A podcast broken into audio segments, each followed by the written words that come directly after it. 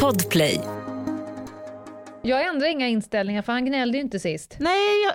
Förutom att det där f- f- f- f- försvann. Nu hör jag inte jag det, så nu låter jag det bara vara. Ja, men det är ju ljud överallt hela tiden, så att... Eh, Daniel, du kan vara ett ljud hela tiden. Really?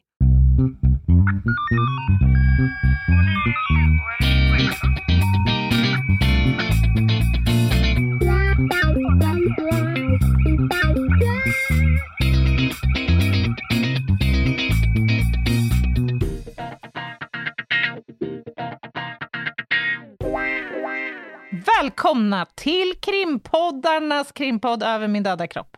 Med mig, Anna Jinghede. Och Lena Ljungdahl. så ska den tas. Så ska den, och det är torsdag. Det är ta mig fan torsdag Ja, idag. idag är det en torsdag hela dagen. Ja, vad är det för podd man lyssnar på nu, just idag? Ja, varför säger vi krimpoddarnas krimpodd? Är det lite skitnödigt, eller är det för att det är krimpoddarnas Eller är det en krimpodd? ordningsfråga bara? Nej men vad fan, om vi tar det från början. Vi startade ju podden för att vi var lite lack på att det fanns så jävla mycket krimpoddar, men ingen som drevs av någon som kunde krim. Så som kun, jobbat med krim, Mm. utbildad inom krim och bara hållit på med krim. Mm. Och då tänkte vi att de, om de andra då är krimpoddar så som jag tycker det här är spännande, kul och jag tycker det är festligt med mord, så och, Ja. då är ju vi ju krimpoddarnas krimpodd. Det var väl så vi tänkte från början? Ja, men absolut. Absolut. Kanske hade vi en tanke redan då om att det också var den bästa krimpodden. Ja, Alltså, och så blev det ju. ja, jag menar det. Det är inte vårt fel.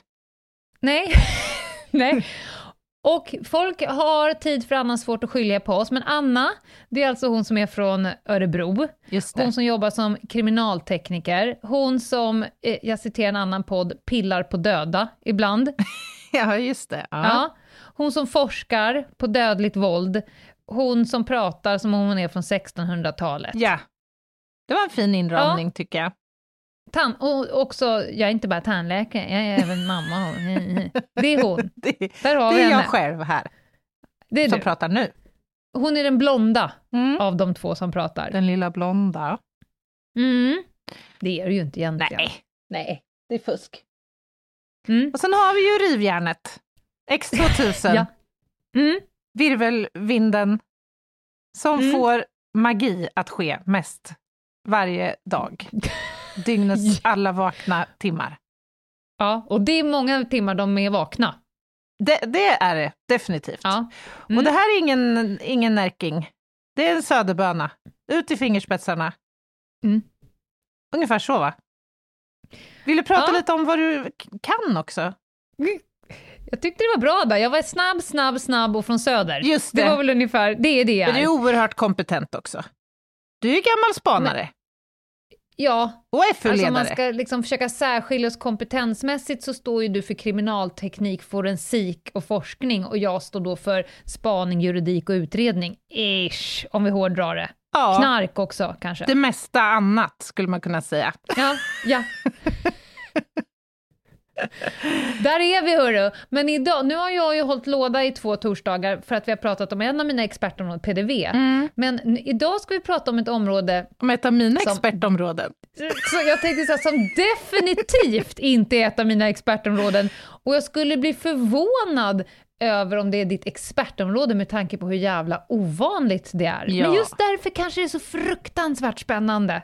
Ja, men alltså vi ska ju prata om också kanske ett av de mest tabubelagda ämnena. Människor som äter andra människor. Kannibalism. Är det därifrån programmet Du är vad du äter fick sin Inspiration. inspiration? Ja, mycket möjligt, mycket möjligt. Du är en människa, du äter människa, du är vad du äter. Jag tror att det kommer Ja. därifrån. Ja, why not? Okej. Vad känner du så här inledningsvis kring temat, Lena?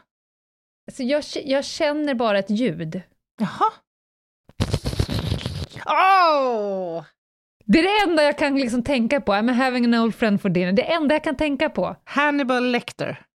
Ja, Vilken jävla rulle det där är ändå. ja för fan. It put lotions on the skin.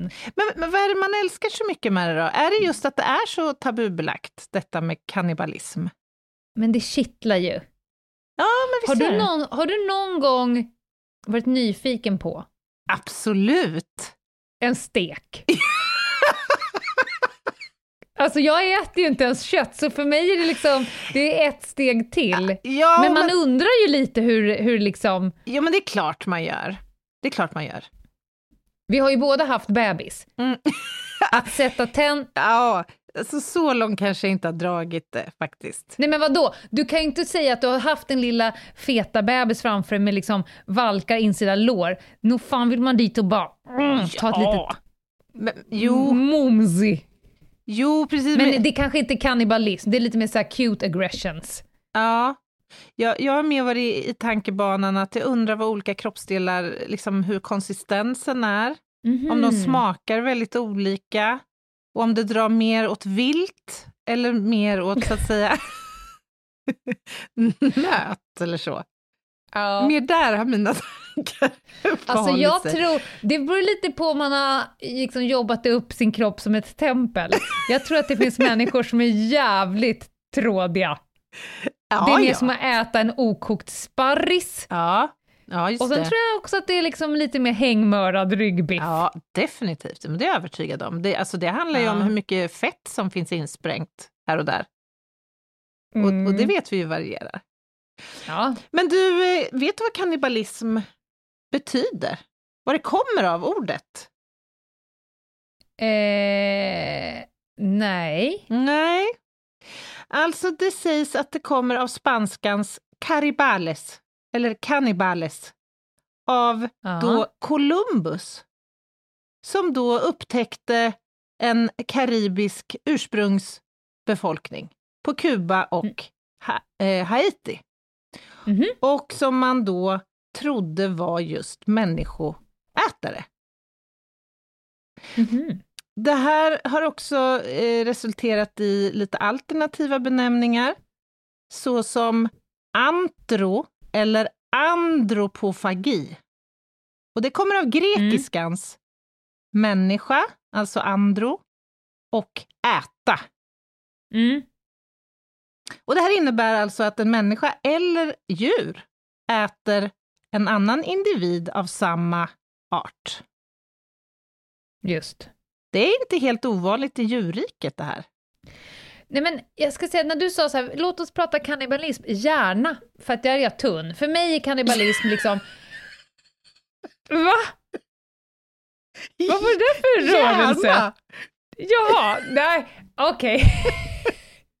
Kul, Ja. vattenskalle. Eh, nej men för mig är mänsklig kannibalism, det är liksom en dålig scen på typ någon sån här eh, halvpissig film, där det står massa barfota människor stampar runt en kittel, och så ligger någon där och säger nej, ät inte upp mig, ät inte Mm, upp mig. mm. Typ som ett urdrag ur någon Bamse-serietidning. Ja. Ja. Men i djurriket, jag som har en enorm fäbless för att titta på naturfilmer, Mm. Där är det ju mer egen undantag, kannibalism, för alla rovdjur. De är typ kannibaler allihopa. Så där har jag lite roliga saker som jag kan dra sen. Men ja, och det är ju en överlevnadsstrategi naturligtvis.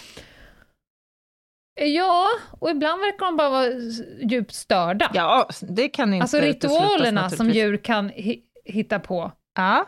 för, för att äta upp varandra. det, det är liksom, men en, en sak som förbryllar mig, schimpanser är ju rätt mycket kannibaler. Mhm. Är de? Och, ja, och, och människan och schimpanserna, vi delar ju ungefär 98,5 procent DNA. Ja, när du presenterar det så, så känns det ju genast lite obehagligt. Ja, man undrar ju liksom, vad är det som ligger i de här 1,5 procentens skillnad som gör att de slafsar i sig sina kompisar och vi inte?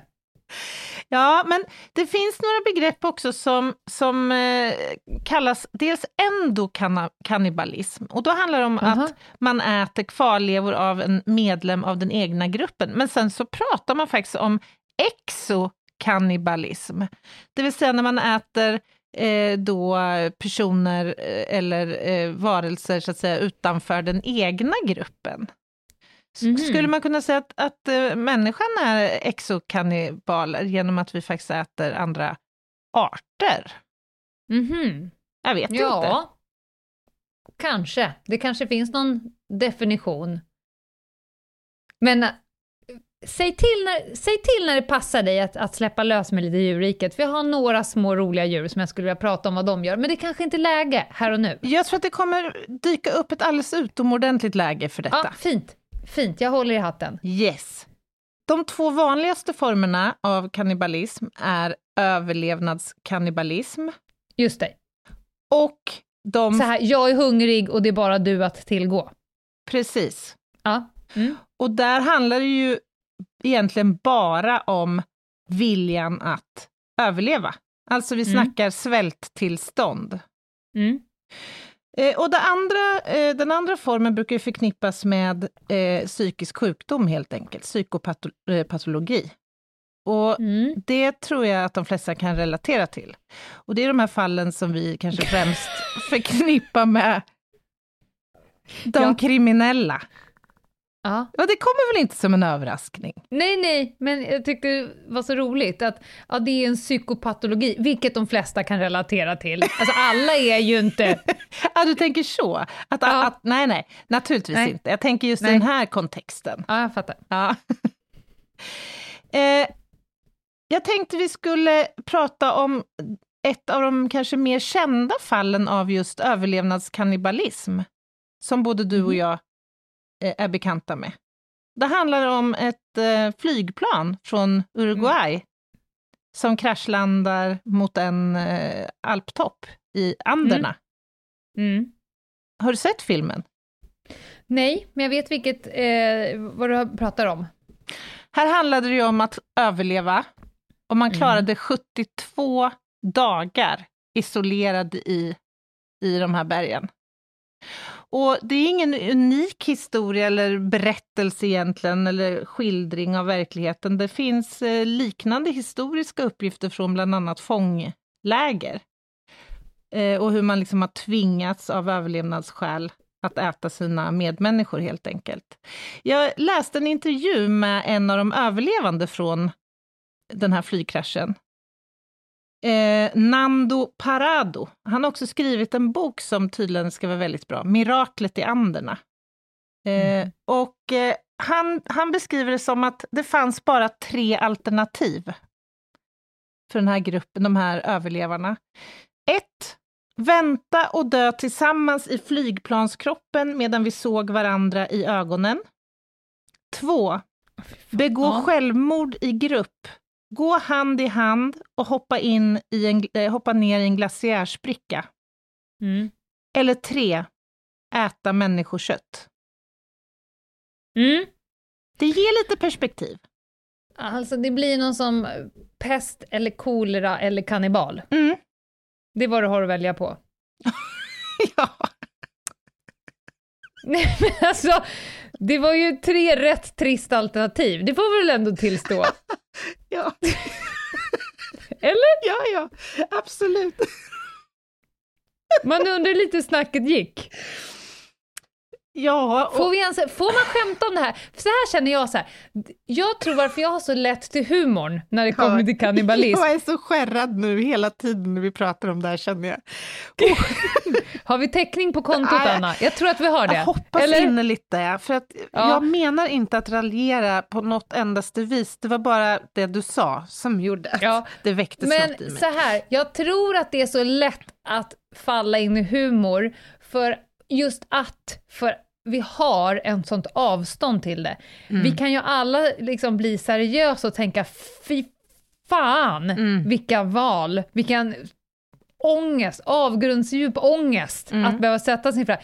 Men just för att det är så långt ifrån oss, alltså de allra flesta av oss kommer ju inte hamna i en, på en alptopp i en svältsituation. Det, det är så långt bort. Mm. Och då är det också abstrakt och ogreppbart och eh, vi har också blivit matade med väldigt märkliga filmer på temat, vilket gör att, att det är lätt att hamna i humorn, för det är så stört. Ja, men det är ju det. Men, men ska jag vara helt ärlig, det här att välja då alternativ nummer tre, att äta människokött, det är för mig så här, etiskt inte särskilt problematiskt faktiskt. Nej. Alltså vad då? En människa som är avliden är avliden, det har skett genom en tragisk olycka. alltså. Nu handlar det om att andra ska kunna överleva. Jag, jag kan inte se några moraliska liksom... Nej men gud, nej. det hade jag kunnat säga. Hörni, jag dör nu. Alltså det är strax där innan. Feel free. Varsågod, knock in. yourself out. Nej men lite, och jag som inte ens äter kött, jag har mycket mindre problem med tanken att du är på en alptopp, någon har dött. Mm. Jag skulle hellre äta den personen för att överleva, för det var fanns att tillgå, Mm. än eh, att ett djur ska massproduceras och eh, oskönjesdödas för att jag ska ha fredagstacos. Mm. Den har jag etiskt mycket, för Mm, mig, jag nu förstår. pratar jag bara Ja, jag förstår. personligen för mig. Mm. Det är för mig en mycket konstigare tankebana än att sitta på en alptopp och eh, om jag har dött, varsågod, Mm. gnag dig fri, hoppas att du överlever för att komma hem. Inga som helst problem med den tanken. Nej. Eller att faktiskt göra det själv. Mm. Nej, Mm. men det är intressant. Ska vi prata lite historia? Ska vi ge oss ut på en liten Ja, strapats? gärna. Gärna. Alltså, det finns ju ganska många beskrivningar och liksom vittnesskildringar som har gått eh, i arv, liksom, generation efter generation. Mycket är liksom av anekdotisk karaktär. Eh, Mm. Det vill säga, det finns inte ett särskilt gott vetenskapligt stöd för att kannibalism har egentligen varit särskilt utbrett i världen. I vart fall inte så utbrett som man kanske kan lockas att tro att det har varit. Nej. Men det finns ändå, forskare har hittat spår av kannibalism riktigt, riktigt långt tillbaka i tiden. Vad sägs om grillade benrester med bit och skrapmärken på, hos både eh, tidiga varianter av vår egen art, Homo sapiens, men också neandertalare? Mm.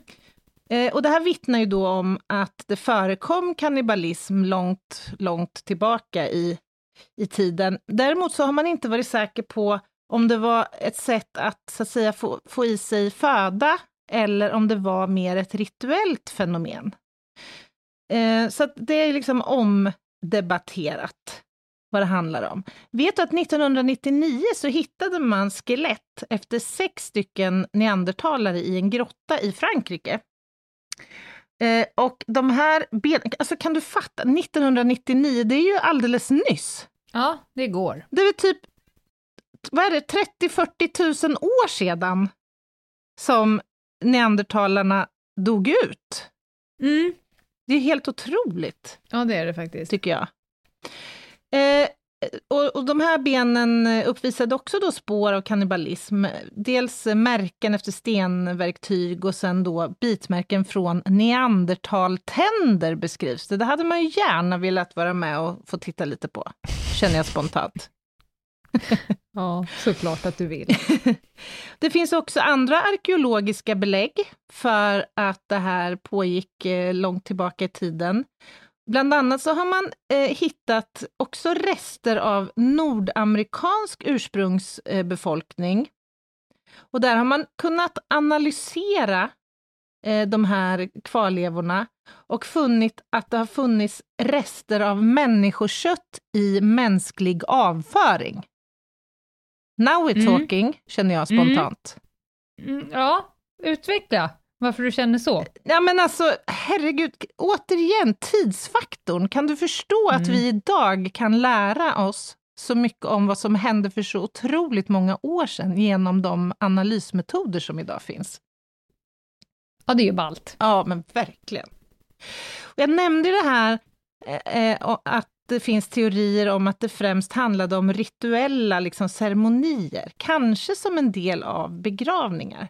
Man åt helt enkelt då vänner och familjemedlemmar, tror man, vill jag addera då eftersom man inte med säkerhet vet att det var så. Men man tror att man åt vänner och familjemedlemmar som ett sätt att hedra deras minnen. Eller, nu ler du i mjugg, ser jag. Ja, jag hörde fel. Jag ska absolut inte säga vad jag hörde, utan nu bara du låter du min mjugg passera. Jag, jag låter mjugget passera.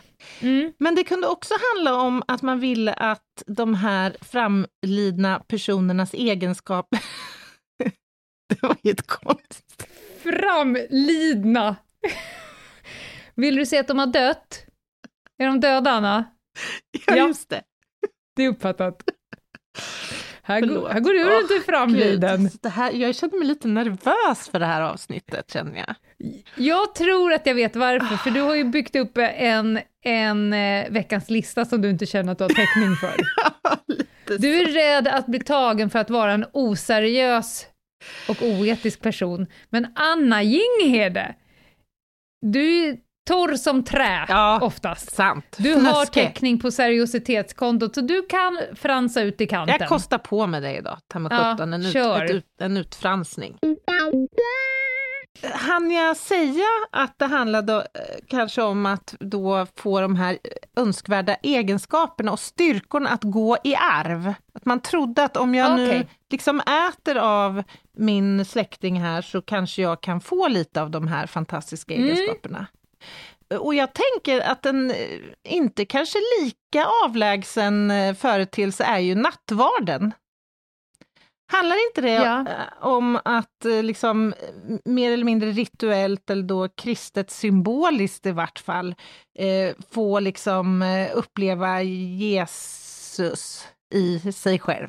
Och du vis. är så ute på tunn is nu. Jag vet inte, jag, det kanske är en Är du killgissning. konfirmerad? Ja, det är jag. Ja, okej. Då borde du väl kunna det. Ja, jag, jag Är det, är det Jesu blod man dricker? Ja, fast det är ju inte det man dricker naturligtvis Nej, idag. jo, det fattar jag. Nej, det, det är ju för fan, vad heter det, chill out. Ja, jo men är det inte ändå liksom, finns det inte inslag här som Jo. ändå på något sätt kanske kan stötta den här teorin om att det var det man faktiskt ägnade sig åt förr i tiden så att säga? Mm. Ja, ja, man har... Ja, ja, ja, alltså, vi har ju, vi har ju liksom gått vidare. där. Alltså, om vi skulle tro det, då sitter vi och äter liksom grodlår och då tror vi att vi ska kunna hoppa jättemycket. när vi, alltså, Ja. det, teorin håller ju inte riktigt. Nej, nej, Nu. I förnuftsmässigt. så fall har ju du ätit jävligt mycket läskargå. Eh, Snigel ja. Mm. Ja, Mm. för du har också blivit väldigt långsam. Ja, ja precis. Exakt. Jag kanske får Nej, jobba alltså mer den teorin. Men förr kanske man tänkte så. Ja, ja men det är möjligt. Den här lite mer rituella praktiken har föreslagits förekomma på en massa olika ställen i världen. Centralafrika, Västafrika, Fiji, Nya Guinea, Australien, Mm. Nya Zeeland, Polynesien, Sumatra, ja, på en massa ställen. Men återigen, man har liksom inte riktigt kunnat bekräfta det här med full och fast säkerhet. Däremot så har man kunnat göra det med den här då så kallade överlevnadskannibalismen som, som finns liksom eh, faktiskt dokumenterad på olika sätt. Vi pratar om det här med anderna, men också under andra världskriget och eh, civilbefolkningen i Stalingrad bland annat. Där finns det också både eh, fotodokumentation och eh, ja, återgivet hur man tvingades äta de som hade avlidit i svält och annat Mm. för att överleva. Mm. Eh, och även japanska soldater ägnade sig åt det här med kannibalism på, på krigsfångar, sägs det. Okej. Och på tal om krig, det, här, det är ett annat motiv som föreslås i litteraturen. Alltså att man har funnit då vad man tror är tecken på att människor har ätit upp varandra som någon form av krigsföring. Alltså att man, man, man mumsade på sina fiender när man hade besegrat dem helt enkelt.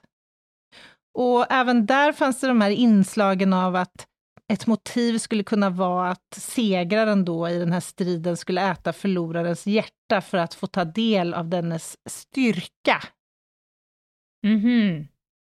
Och låt oss inte glömma användningen av människovävnader i medicinskt och kurativt botande syfte alltså. Vi har beskrivningar från Tyskland, där, eh, och det eh, härstammar från sex, mellan 16 och 1800-talet, så lär det ha förekommit att såna här skarp, vad heter det, skarprättare, heter det det? De här som verkställer avrättningar. Mm. Bödel. Ja, bödel då. Mm. Att det lär ha varit en eh, ganska populär eh, så här, eh, sidoverksamhet. Att sälja då kroppsdelar från de som man har avrättat och marknadsföra Mm. det här som eh, någonting som skulle kunna ha ett medicinskt eh, värde. Jag menar, människoblod lär ha använts som medicin i stora delar av Europa, än, så sent som eh, i slutet kanske på 1800-talet till och med.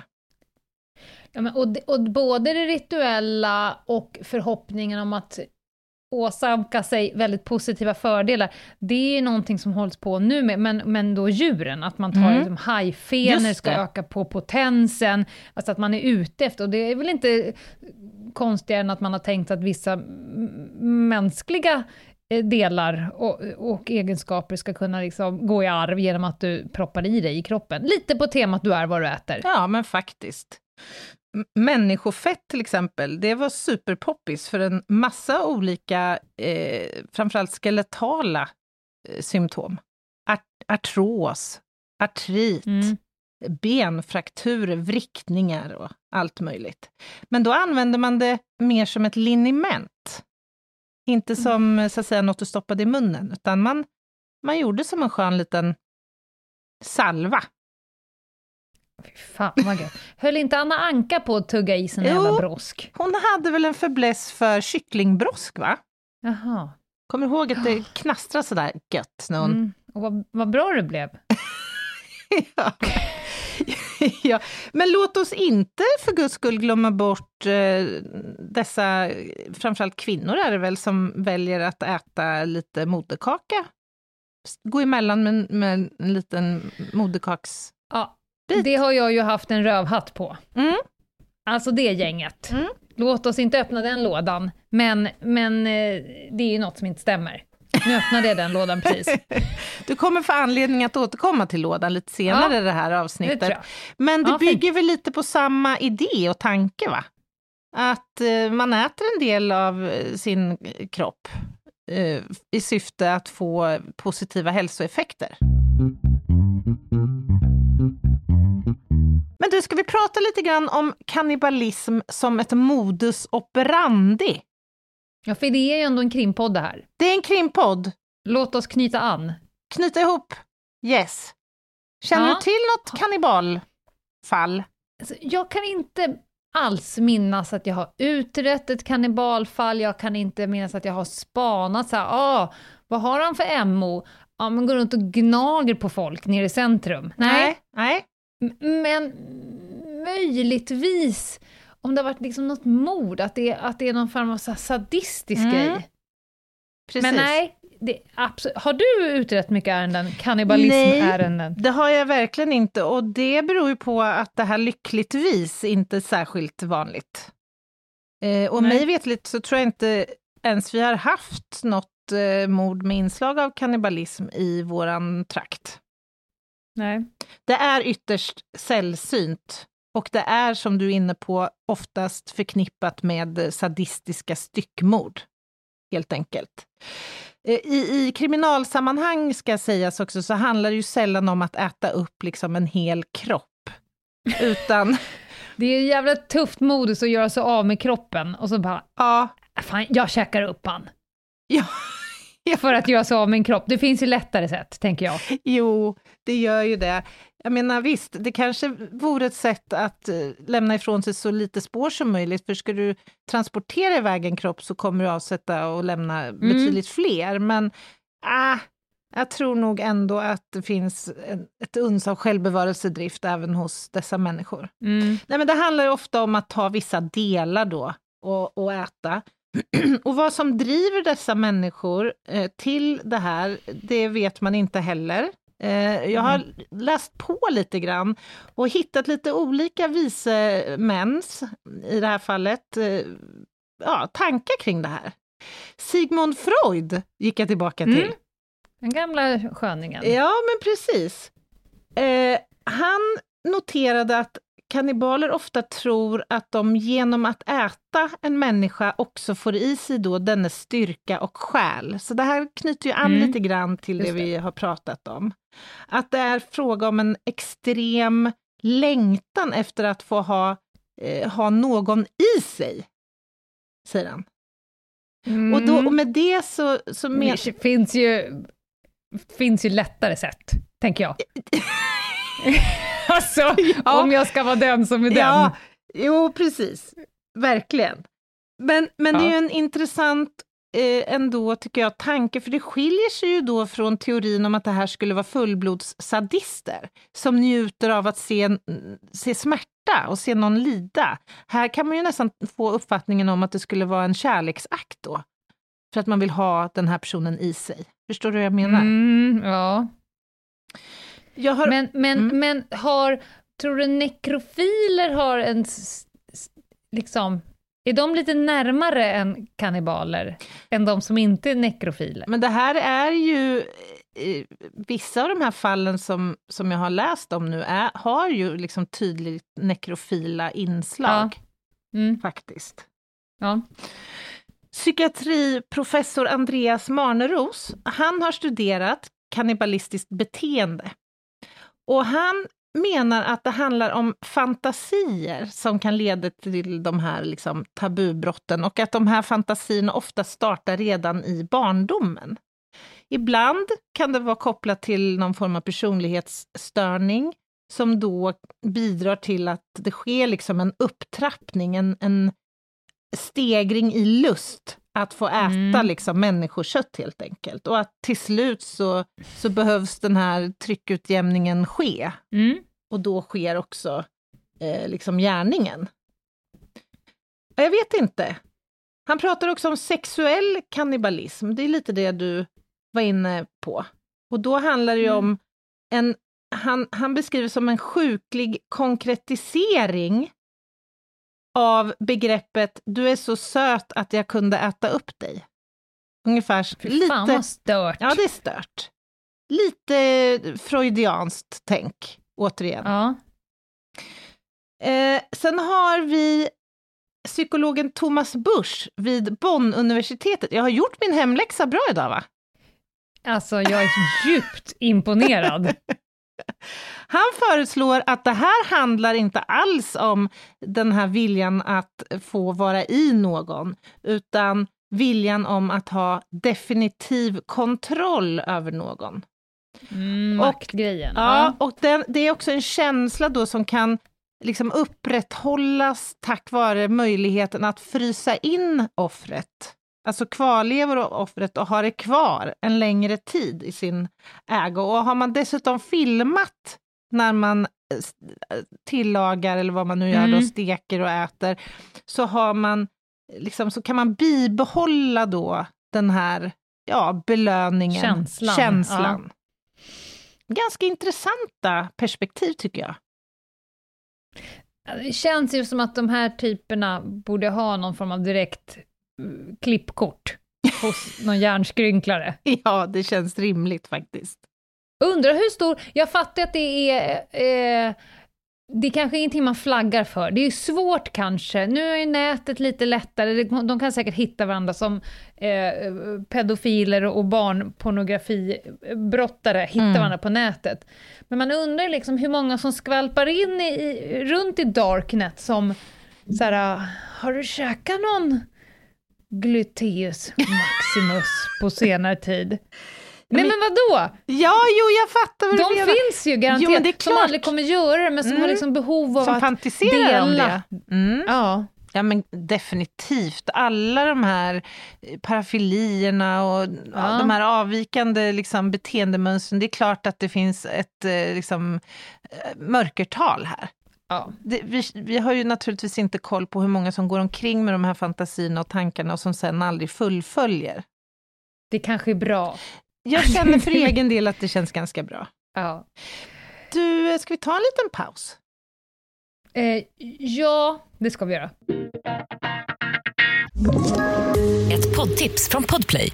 I podden Något Kaiko garanterar östgötarna Brutti och jag, Davva, dig en stor dos skratt. Där följer jag pladask för köttätandet igen. Man är lite som en jävla vampyr. Man har fått lite blodsmak och då måste man ha mer. Udda spaningar, fängslande anekdoter och en och annan arg rant. Jag måste ha mitt kaffe på morgonen för annars är jag ingen trevlig människa. Då är du ingen trevlig människa, punkt. Något Kaiko, hör du på Podplay. Därför är gardinerna. Välkomna tillbaka! Det är ju krimpoddarnas krimpodd och idag pratar vi om kannibalism.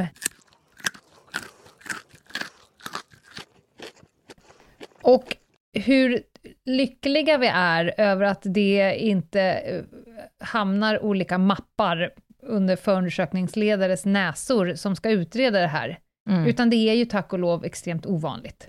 Ja, det är Men du har ändå gått till den litteraturen som finns och hittat massa intressanta. Vart ska du ta oss nu, Anna? Ja, men nu tänkte jag berätta lite grann, eller snarare återkomma till en, en svensk studie som vi har pratat om tidigare i podden.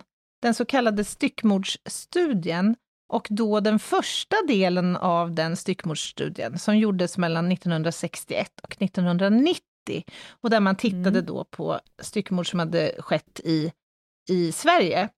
Under den tidsperioden så fann man 22 styckmord och i två av de fallen, två av 22 alltså, så var det säkerställt att det hade förekommit kannibalism. Och i ytterligare tre så var det starkt misstänkt. Eh, jag tänkte bara nämna lite kort de här säkra fallen då. Då var det ett fall i Karlstad 1969 och ett i Malmö 1979. Och i ett av fallen så hade gärningsmannen då avnjutit ett tiotal måltider. Och till och med... Alltså Anna, avnjutit ett tiotal måltider. Det är ju... ja, men i, i hens värld så var det ju det det var frågan om. Ja, okej. Du, Mm. du tänker att, det, att, att ingredienserna här var en röd och vitrutig duk? Ja, men om jag lägger till att det också är känt att han, som det var i det här fallet, drack rödvin till sina måltider. Jävel Så- alltså, det är ju Hannibal Lecter. Ja, men det är ju det. Ja. Och ehm, i det här andra fallet så hade gärningsmannen gjort sig en eh, smörgås och använt då, det är så sjukt, människokött som pålägg. Uh. Eh, Vadå? Som typ Bressaola? Ja, eller som... Lufttorkad skinka? Vadå? Ja, är det det du typ. pratar om? Ja. Eller pratar du bredbar leverpastej? Nej, ja, jag vet inte. Jag vet bara att Inälvsmat? Vadå, hade- folk äter ju det. ja, det säger ju Ja. inte särskilt laddat egentligen. Nej, Men, men det är därför det är så roligt att vi blir så fnissiga. Alltså, jag kan gå ner på min lokala ICA här Ja. i Sickla och köpa leverpastej med glada bokstäver på. Men, men när man pratar liksom om att någon eh, tar en egen art och smetar ut personens lever i pastejform på en smörgås, så blir det ju sådär så att ja, men det är så det är som att tänka på rymden. Ja. Det, det är som att tänka på rymden, hur, hur stor den är. Jag kan inte ens greppa det här för att det är så sjukt. Men steget, det är inte så jävla sjukt ändå. Nej, men det sjuka här är ju att man faktiskt har mördat en människa Ja, det för det att få absolut. äta den där smörgåsen. Det är ju det som är det Ja. sjuka. Det är så bisarrt så att det, det, det, ja, det är astronomiskt som Ja. du säger. Gemensamt för de här styckningarna, det finns ju lite olika varianter som vi också har pratat om, den defensiva formen, aggressiva eller nekromaniska och så vidare. Det är att de här var offensiva. Alltså okej. s- både styckningen och eh, ibland även själva mordakten är ofta då förknippade med liksom, sexuella inslag. De här fallen som jag nämnde alldeles kort, 1969 och eh, 79, är ju, eh, ja men de finns beskrivna liksom i media och sådär, men sen så är det som att det är ett tomrum liksom. Och 2005 så sker det ett fall, och jag vet inte om det har skett något känt och avdömt däremellan de här åren. Och det är i sig ganska intressant, tycker jag. Pratar du Sverige nu? Ja, jag pratar i Sverige. Ja. Men- Hur ser det ut eh, i, ut då? utanför Sverige då? Jo, men det finns några ganska eh, uppmärksammade fall. Eh, bland annat den här, han var väl tysk va? Som annonserade på på nätet. Armin Meiwes. Är det ett namn som är bekant? Nej. Han är kanske den mest ökända egentligen kannibalen i modern tid. Han dömdes ju 2006 efter att ha annonserat i sociala medier efter en eh, man. Han, han ville gärna träffa en man som skulle då frivilligt vilja gå med på att bli uppäten. ja, ja, men och vet du, lite kuriosa. Ja, nej men jag kan tänka mig att du nu ska säga att han fick jättemånga Ja! som anmälde sig. Ja! men homo fucking sapiens ja, igen. ja, ja. Jag är inte ett dugg förvånad att folk bara, "Mm, ja men ja, Ja. det här är frågan jag väntat på hela mitt liv. Det var flera stycken som var med, liksom bara vi snackar timmar innan han sen väl träffar sitt offer. Men som då drog sig ur för de inte kände sig ändå riktigt, riktigt säkra på om det här var en bra grej. Men han träffade... Fick man skriva CV och personligt brev och så hade han anställningsintervju med alla eller Nej, innan men han valde? ändå en ganska sofistikerad liksom, eh, brottsplan skulle jag vilja säga. För han träffade ju då, hookade upp med den här mannen, han var dataingenjör. Och tillsammans så spelade de in en video där de då förklarade vad som skulle ske.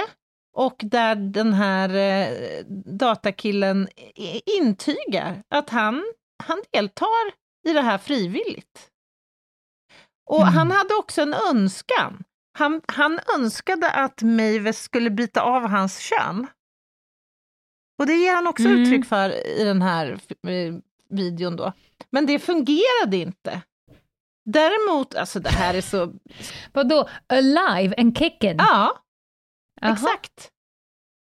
Däremot så Ja. lyckades han krossa offrets testiklar genom att bita sönder dem.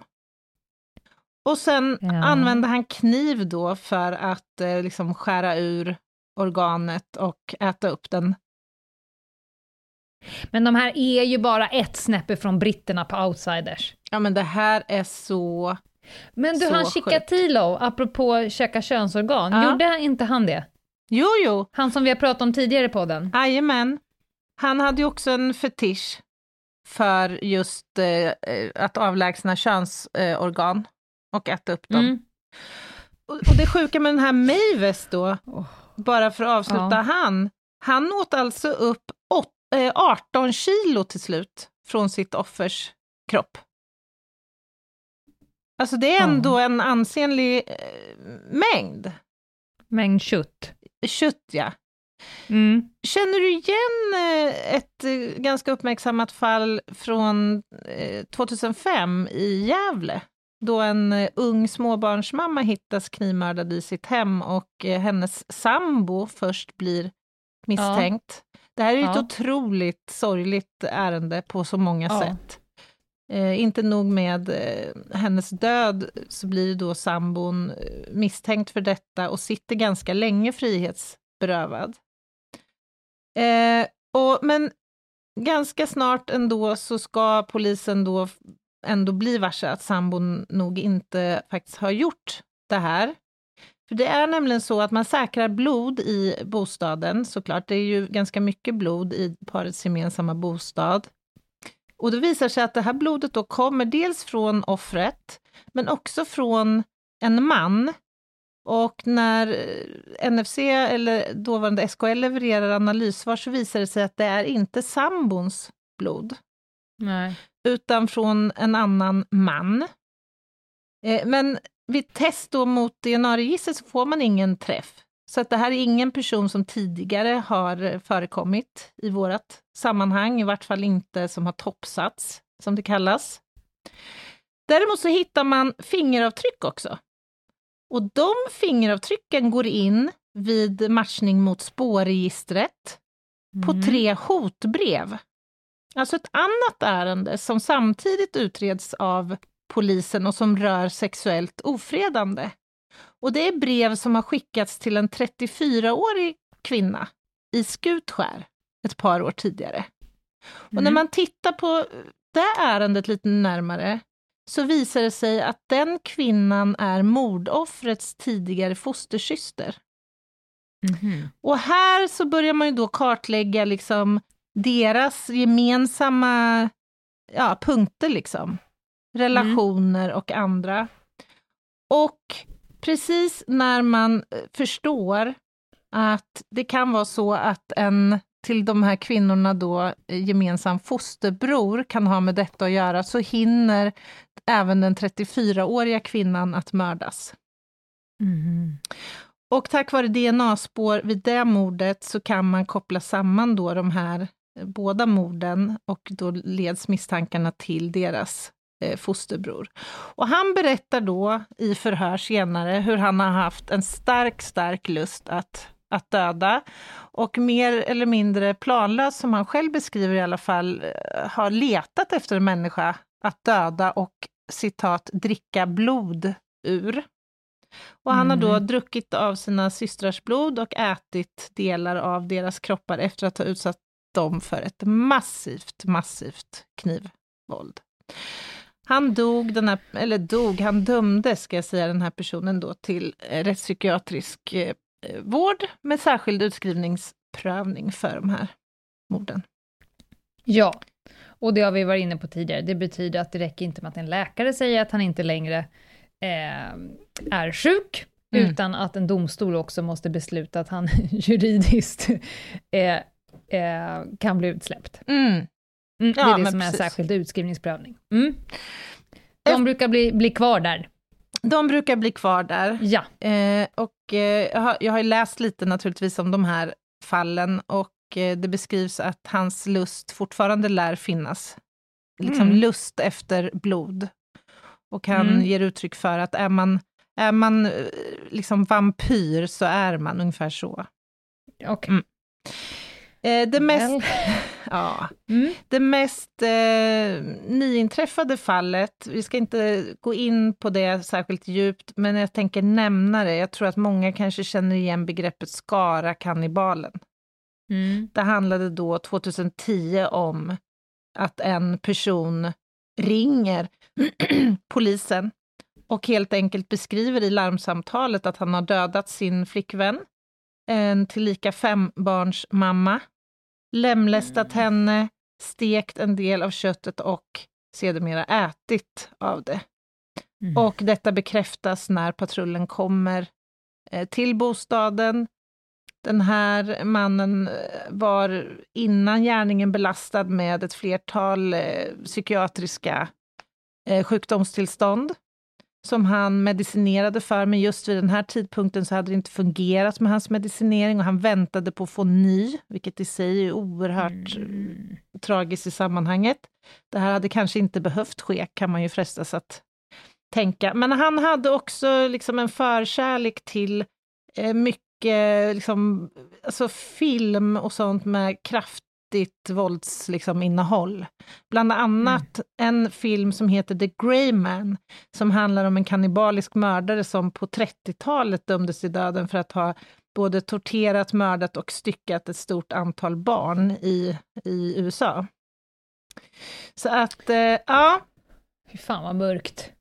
ja verkligen, det här är supermörkt. Men du, jag Mm. tänkte att vi skulle här på slutet prata lite grann om juridiken kring kannibalism. Mm. För man kan ju tänka så här, att givetvis så, så är det straffbart att mörda en annan människa. Ja. Eh, och vi känner till att det är straffbart att rubba en avlidens frid. Mm, griftefriden. Men är Ja, det det- olagligt att äta? Jag, jag ska säga så här att det finns ju liksom ingen, eh, om man nu ska tänka rekvisiten, Mm. människa som inmundigar annan människas kroppsdel dömes om, om gärningen är uppsåtligen för kannibalism Mm. till 30 dagsböter, har aldrig liksom hänt. Nej, den är svår. Nej, däremot är det ju så... Eh, människan måste ju dö för att det ska gå, men, men ponera att personen har själv dött Mm. Och du kommer över ryggbiffen. Mm. Eh, så nej, det finns, inget, det finns liksom inget kannibalbrott. Däremot så finns det ju massa brott som skulle kunna bli aktuella, Mm. såsom eh, brott mot griftefriden. Mm. Du kan liksom inte peta av en kroppsdel utan att begå ett brott. Just det. Eh, men själva att, att stoppa människokött i munnen är Mm. inte olagligt. Nej. Men det är nästan omöjligt att komma dit utan att det ska vara mord eller Ja, det är om du dråp skulle ha en- och det ska stycka och... Ja, Det är om du skulle liksom bjuda någon till dig, exakt. att liksom av njuta, kan man ju inte säga, Mm. men att äta Nej. av detta, Ja. så skulle det kanske kunna bli aktuellt. Ja. Eller ja, frågan skulle uppkomma. Men, Men, men det om man... finns lite olika lagrum man ska in och veva i för att Ja. liksom utesluta vad är det för gärningar vi har att göra med här. Om man då skulle åberopa nöd här. Det var bara, det var han och jag. Vadå, jag var hungrig? Det var han och jag, vi var på en, eh, en öde ö. Ja. Eh, vi, det fanns ingenting att äta. Jag tog honom av dagar för att kunna äta honom. För att överleva själv.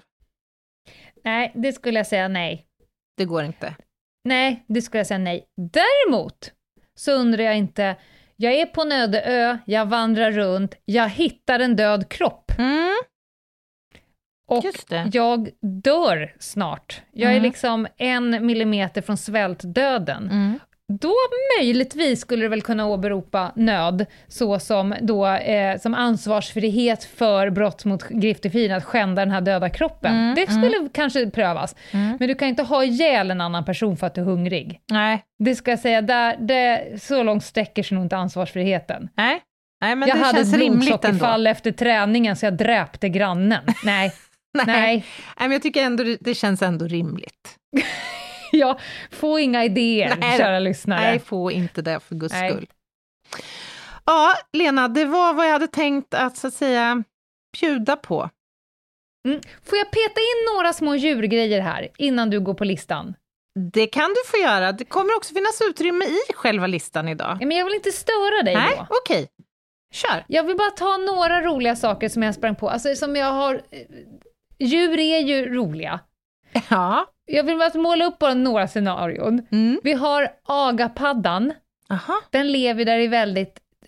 Det kan vara ibland väldigt torrt, ibland väldigt fuktigt. Och det kan vara svårt, eftersom de lever på insekter, det kan vara svårt att liksom få tag på tillräckligt mycket insekter. Mm. Och då sitter du där som padda, jättehungrig. Mm. Men, men klimatet har gjort att det liksom inte finns din huvudföda. Nej. Men du vet var eh, paddor liksom kläcks, ynglar av sig och finns. Mm. Då går du dit, sätter dig vid strandkanten och så tar du din längsta tå, för du har ju en tå som är lite längre än alla andra tår. Aha.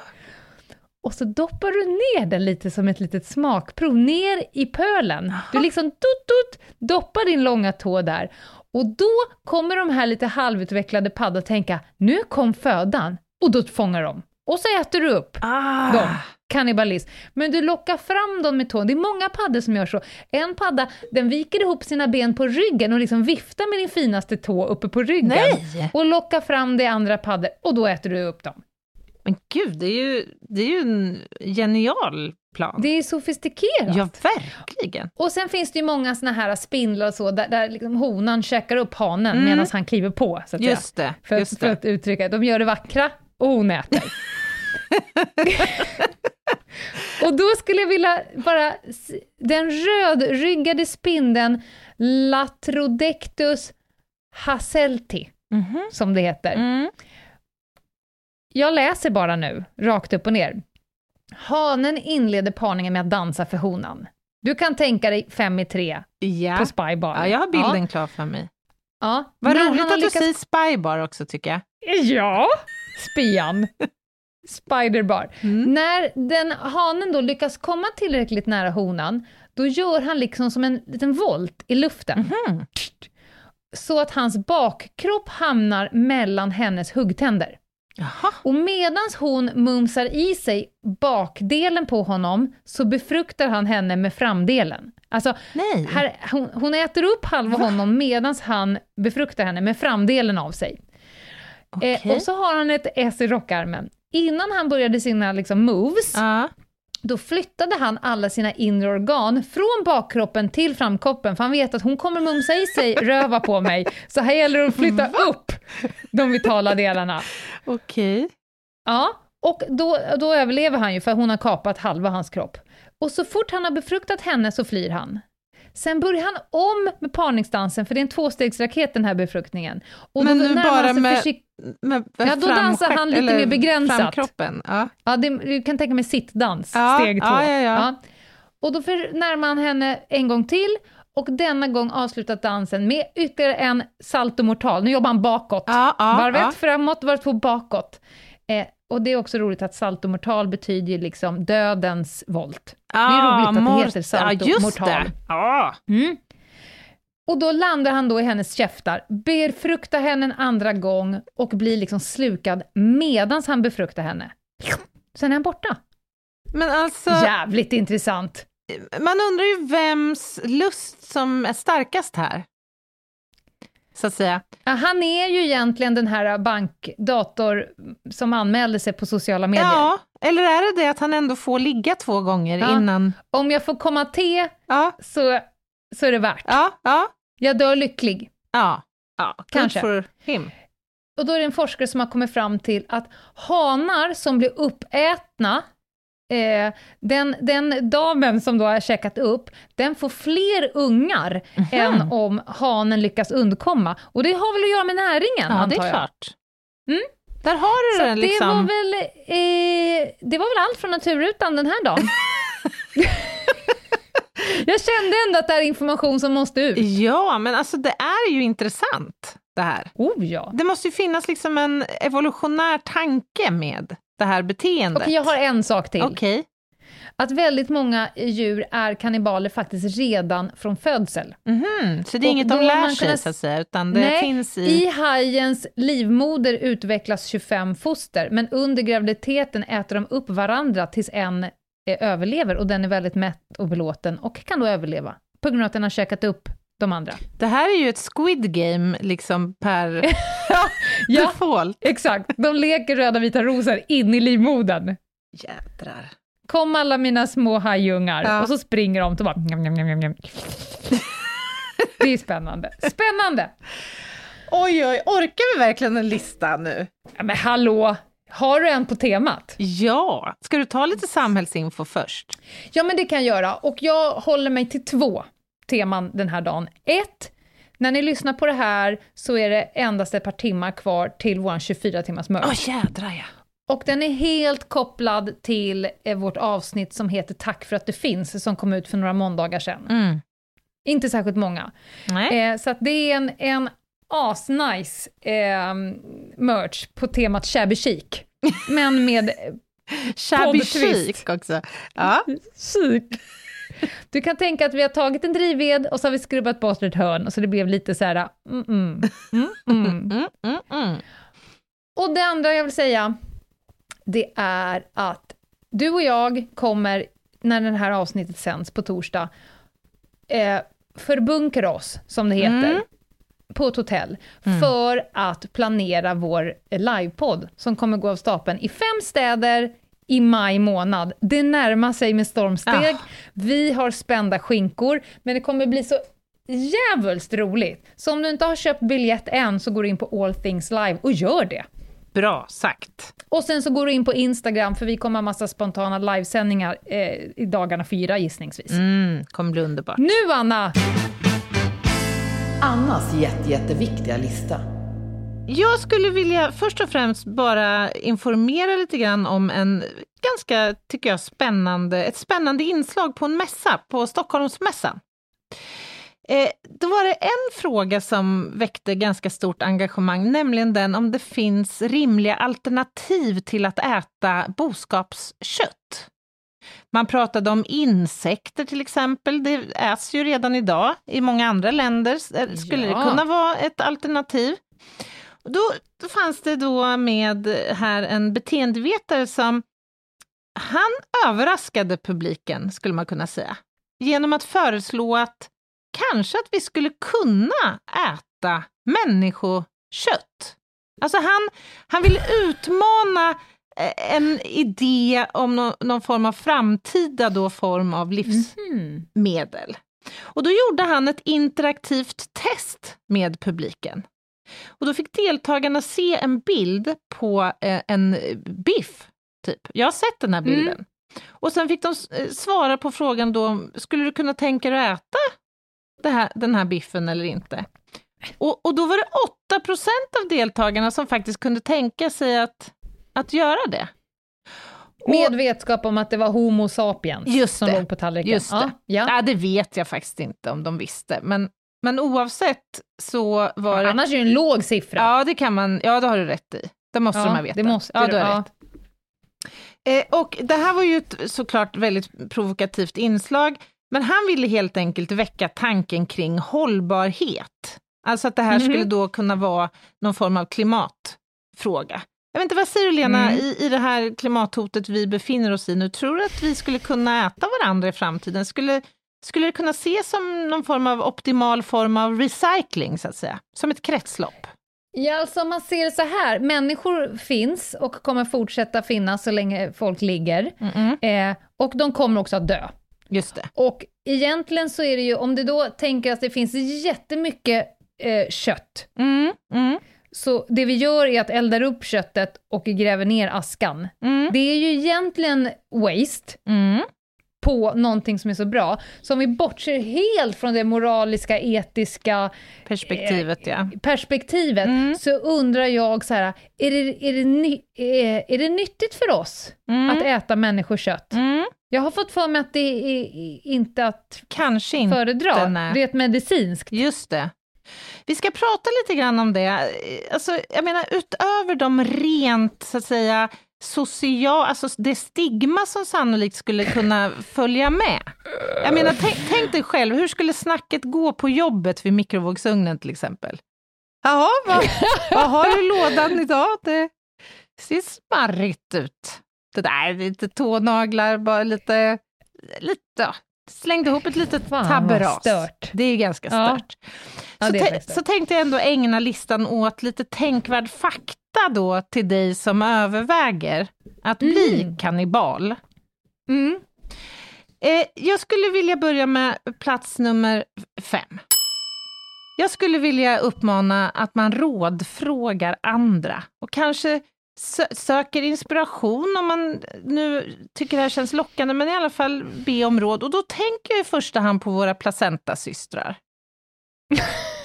alltså, Ja. de flesta däggdjur äter faktiskt upp moderkakan, Mm. men inte enkom på grund av de eventuella nyttigheterna, utan faktiskt framför allt för att få andra rovdjur att känna lukten av det här och förhindra att de kommer efter barnet. Exakt, de sopar igen spåren. De sopar igen spåren, helt Mm. enkelt. Eh, och det här förekommer ju i många delar av världen, att man äter eh, moderkakan. Och då kan det vara bra att känna till att den ska tas om hand absolut helst inom 24 timmar. Annars är det jätteviktigt att du fryser in den, om du vill göra något med den så att säga vid ett senare tillfälle. Mm. Mm. Det är också viktigt att rensa den från alla hinnor. Alltså precis som en köttbit som du Så hanterar. jag har aldrig någonsin varit mer sugen på broccoli än i precis detta ögonblick. Sen kan du då Rå broccoli. Ja. Sen kan du ju då skära eh, moderkakan i mindre eh, bitar. De behöver inte vara Mm. jättesmå. Lite, göra som kalops. Ja, ja, det beror på vad du vill göra, hur du ser på slutprodukten så att säga. För att om du vill ha dem som små tabletter, som att du tänker att du vill ha en dos om dagen, då är det Ah. bra att, att kutta ner dem i, som i pillerstorlek. Men om du ska Ja. eh, liksom torka bitarna och göra pulver, då, då spelar det inte så stor, då kan det vara lite större, lite större bitar. Eh, ett, ett vanligt steg är att man också ångar eh, kakan. Det, Vadå, är det någon som gör det? ja, och då får man ett recept här nu alldeles gratis. Det ska ske i ugnen i cirka 8 timmar på 120 till 150 grader. Men här vill jag höja ett varningens finger också, för att det finns en risk här nu för att moderkakan exponeras för bakterier. Och speciellt då om det har varit en väldigt långdragen förlossning eller om man nu inte har varit snabb med att kyla ner moderkakan. Så det är viktigt här nu att man tänker på upphettningen så att den sker ordentligt. Men det är ingen som helst skillnad på den personen och Chikatilo. Det är noll procent skillnad. Nej. Nej men alltså nej. Det är inte finare för att man säger så här, ja ja, men jag äter livets träd. Skillnaden är Alltså- väl att det är ens egen kroppsdel ändå. Alltså man ger sig själv samtycke så att säga. Eh, ett sista tips på eh, plats nummer fem, det är att om man inte är sugen på varken kapslar eller ånga och torka och göra pulver och så här, Mm. då går det bra att göra, Puré. göra sig en smoothie också. Fy fan vad äckligt. Okej, plats nummer fyra. Om Ja. man nu då skulle... Köttsmoothien då. Köttsmoothie. Ja, där har du det. Mm.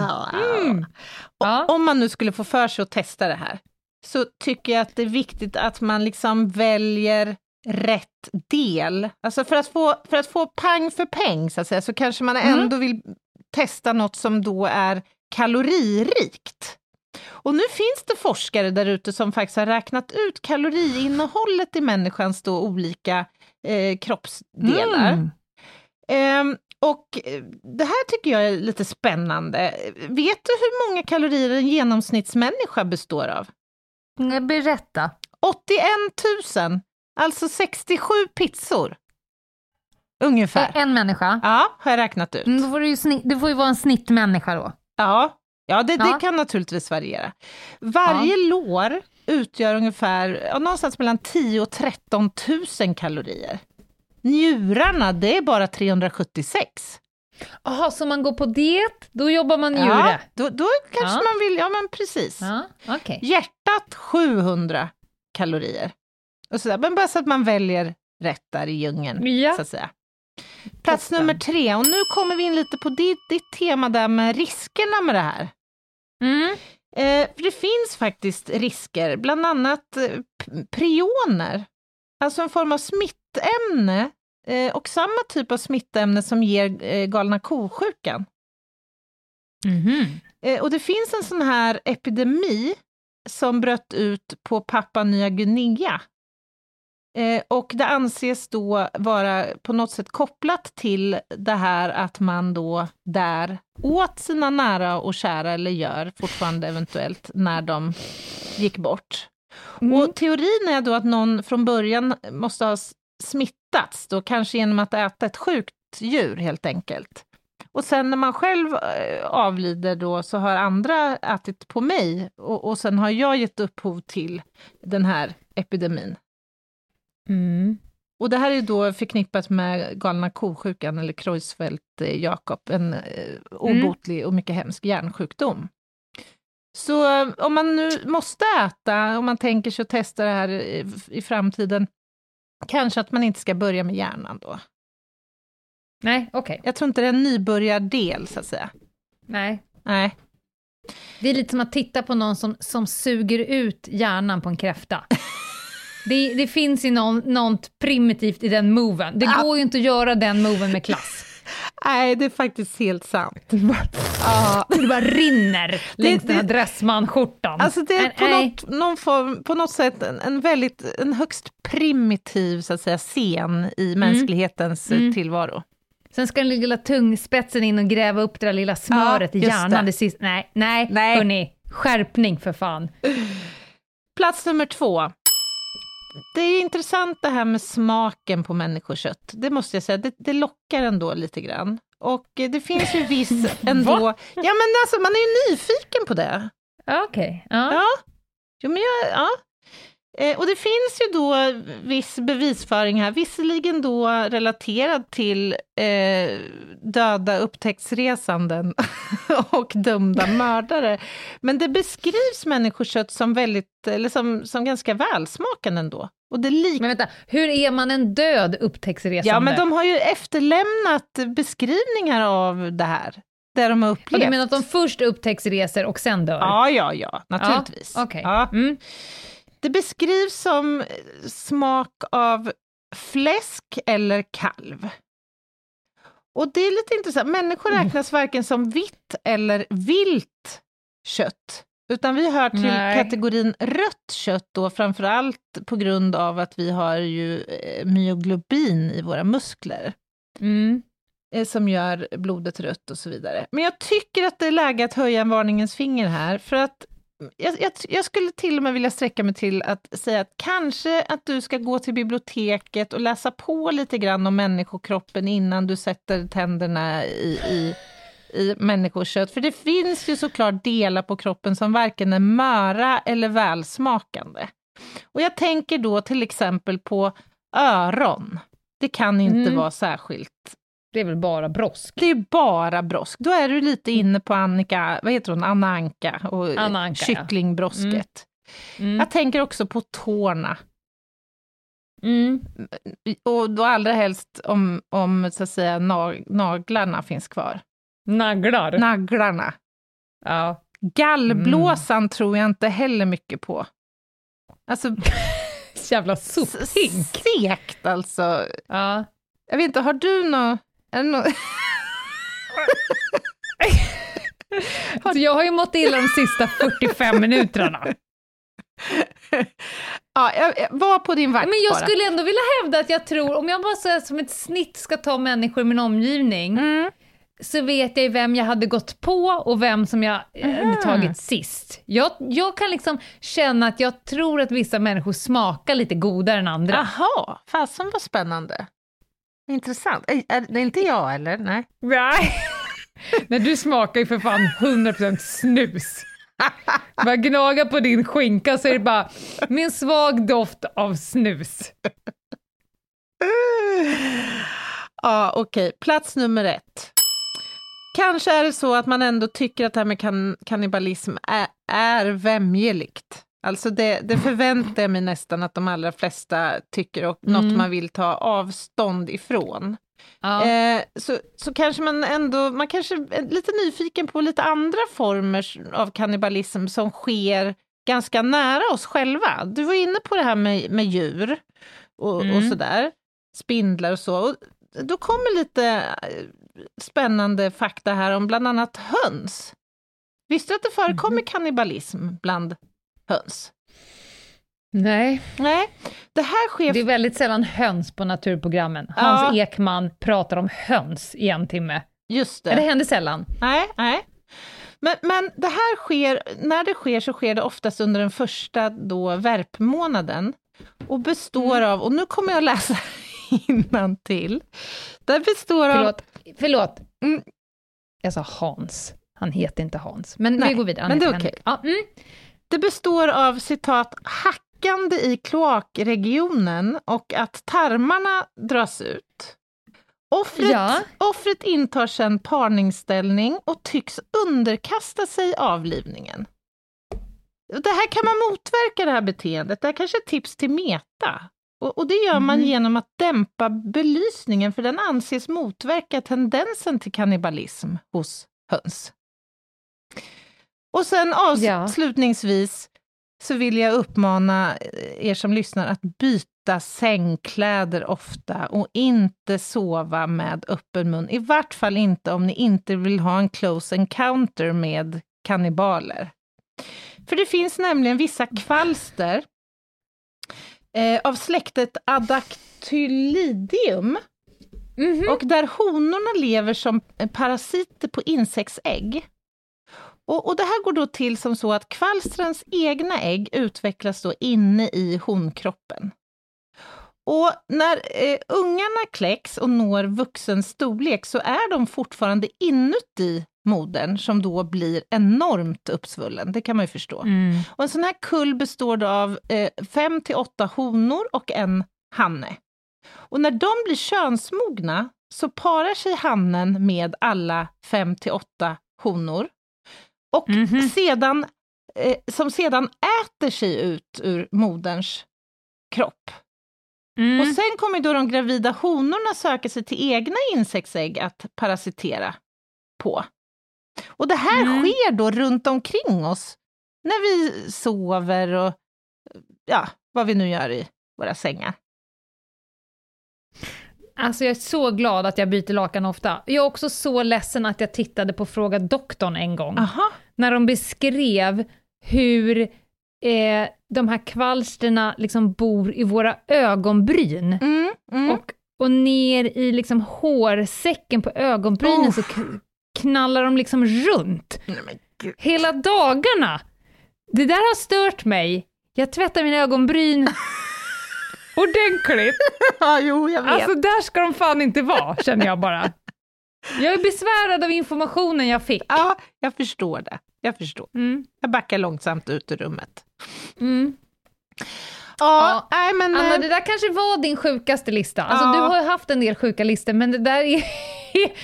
men Alltså, jag tror här- också att det är så pass abstrakt. Ja, Ska vi ha samma... Om vi nu tänker så här... ehm, folk var oroliga över PDV-avsnittet, att om vi pratar PDV så har vi plopp väckt tio nya PDV-attackare. Är det nu så att folk kommer efter det här avsnittet börja titta på sin granne med helt andra ögon? För att du har berättat det här? Är det så att vi har väckt? Ja, jag är mer orolig för uttalandet som du gjorde, att du går omkring och funderar på vilka i din omgivning som, som du tror smak, smakar godare än andra. Ja. Men däremot, Ja. jag funderar på om jag ska lägga ut, kanske på vårt Instagram, alltså på Ljungdahl och Ginghede så lägger jag gärna ut den här nej, intervjun med den här beteendevetaren som pratar om möjligheterna med att äta människokött i framtiden. Aha, från, på mässan där. Mm, Mm. mm. Ja, men det tror jag folk skulle uppskatta. Ja, så får det bli. Tack snälla Anna för ett superintressant eh, ämne. Jag ser också att det blev långt, men det kommer folk ha 0% emot, eftersom eh, du tog dem med storm och höll dem i fast grepp. Ja, härligt. Mm. Och nu får ni fladdra ut i livet med all ny kunskap ni har fått. Och vi säger tack och förlåt i vanlig ordning när vi har plockat ut från gruppkontot och det kommer komma en dag när vi stoppar in igen. Definitivt. Redan nästa Definitivt. vecka, troligen. Och nästa vecka kommer vi eh, väl, väldigt mycket stoppa in och då kommer ni få lyssna på en jätteintressant intervju med någon som utreder, eh, eh, någon från polisen som ägnar sitt liv åt att utreda sexualbrott mot barn på nätet, Mm. bland annat. Det kommer bli väldigt intressant. Extremt. Och viktigt. Och tills dess gör ni det som ni brukar och däremellan kommer en spaning som vi får vila lite i. Det blir jättebra. Ha en fin helg, vi ses på Insta. Bye! Bye, bye!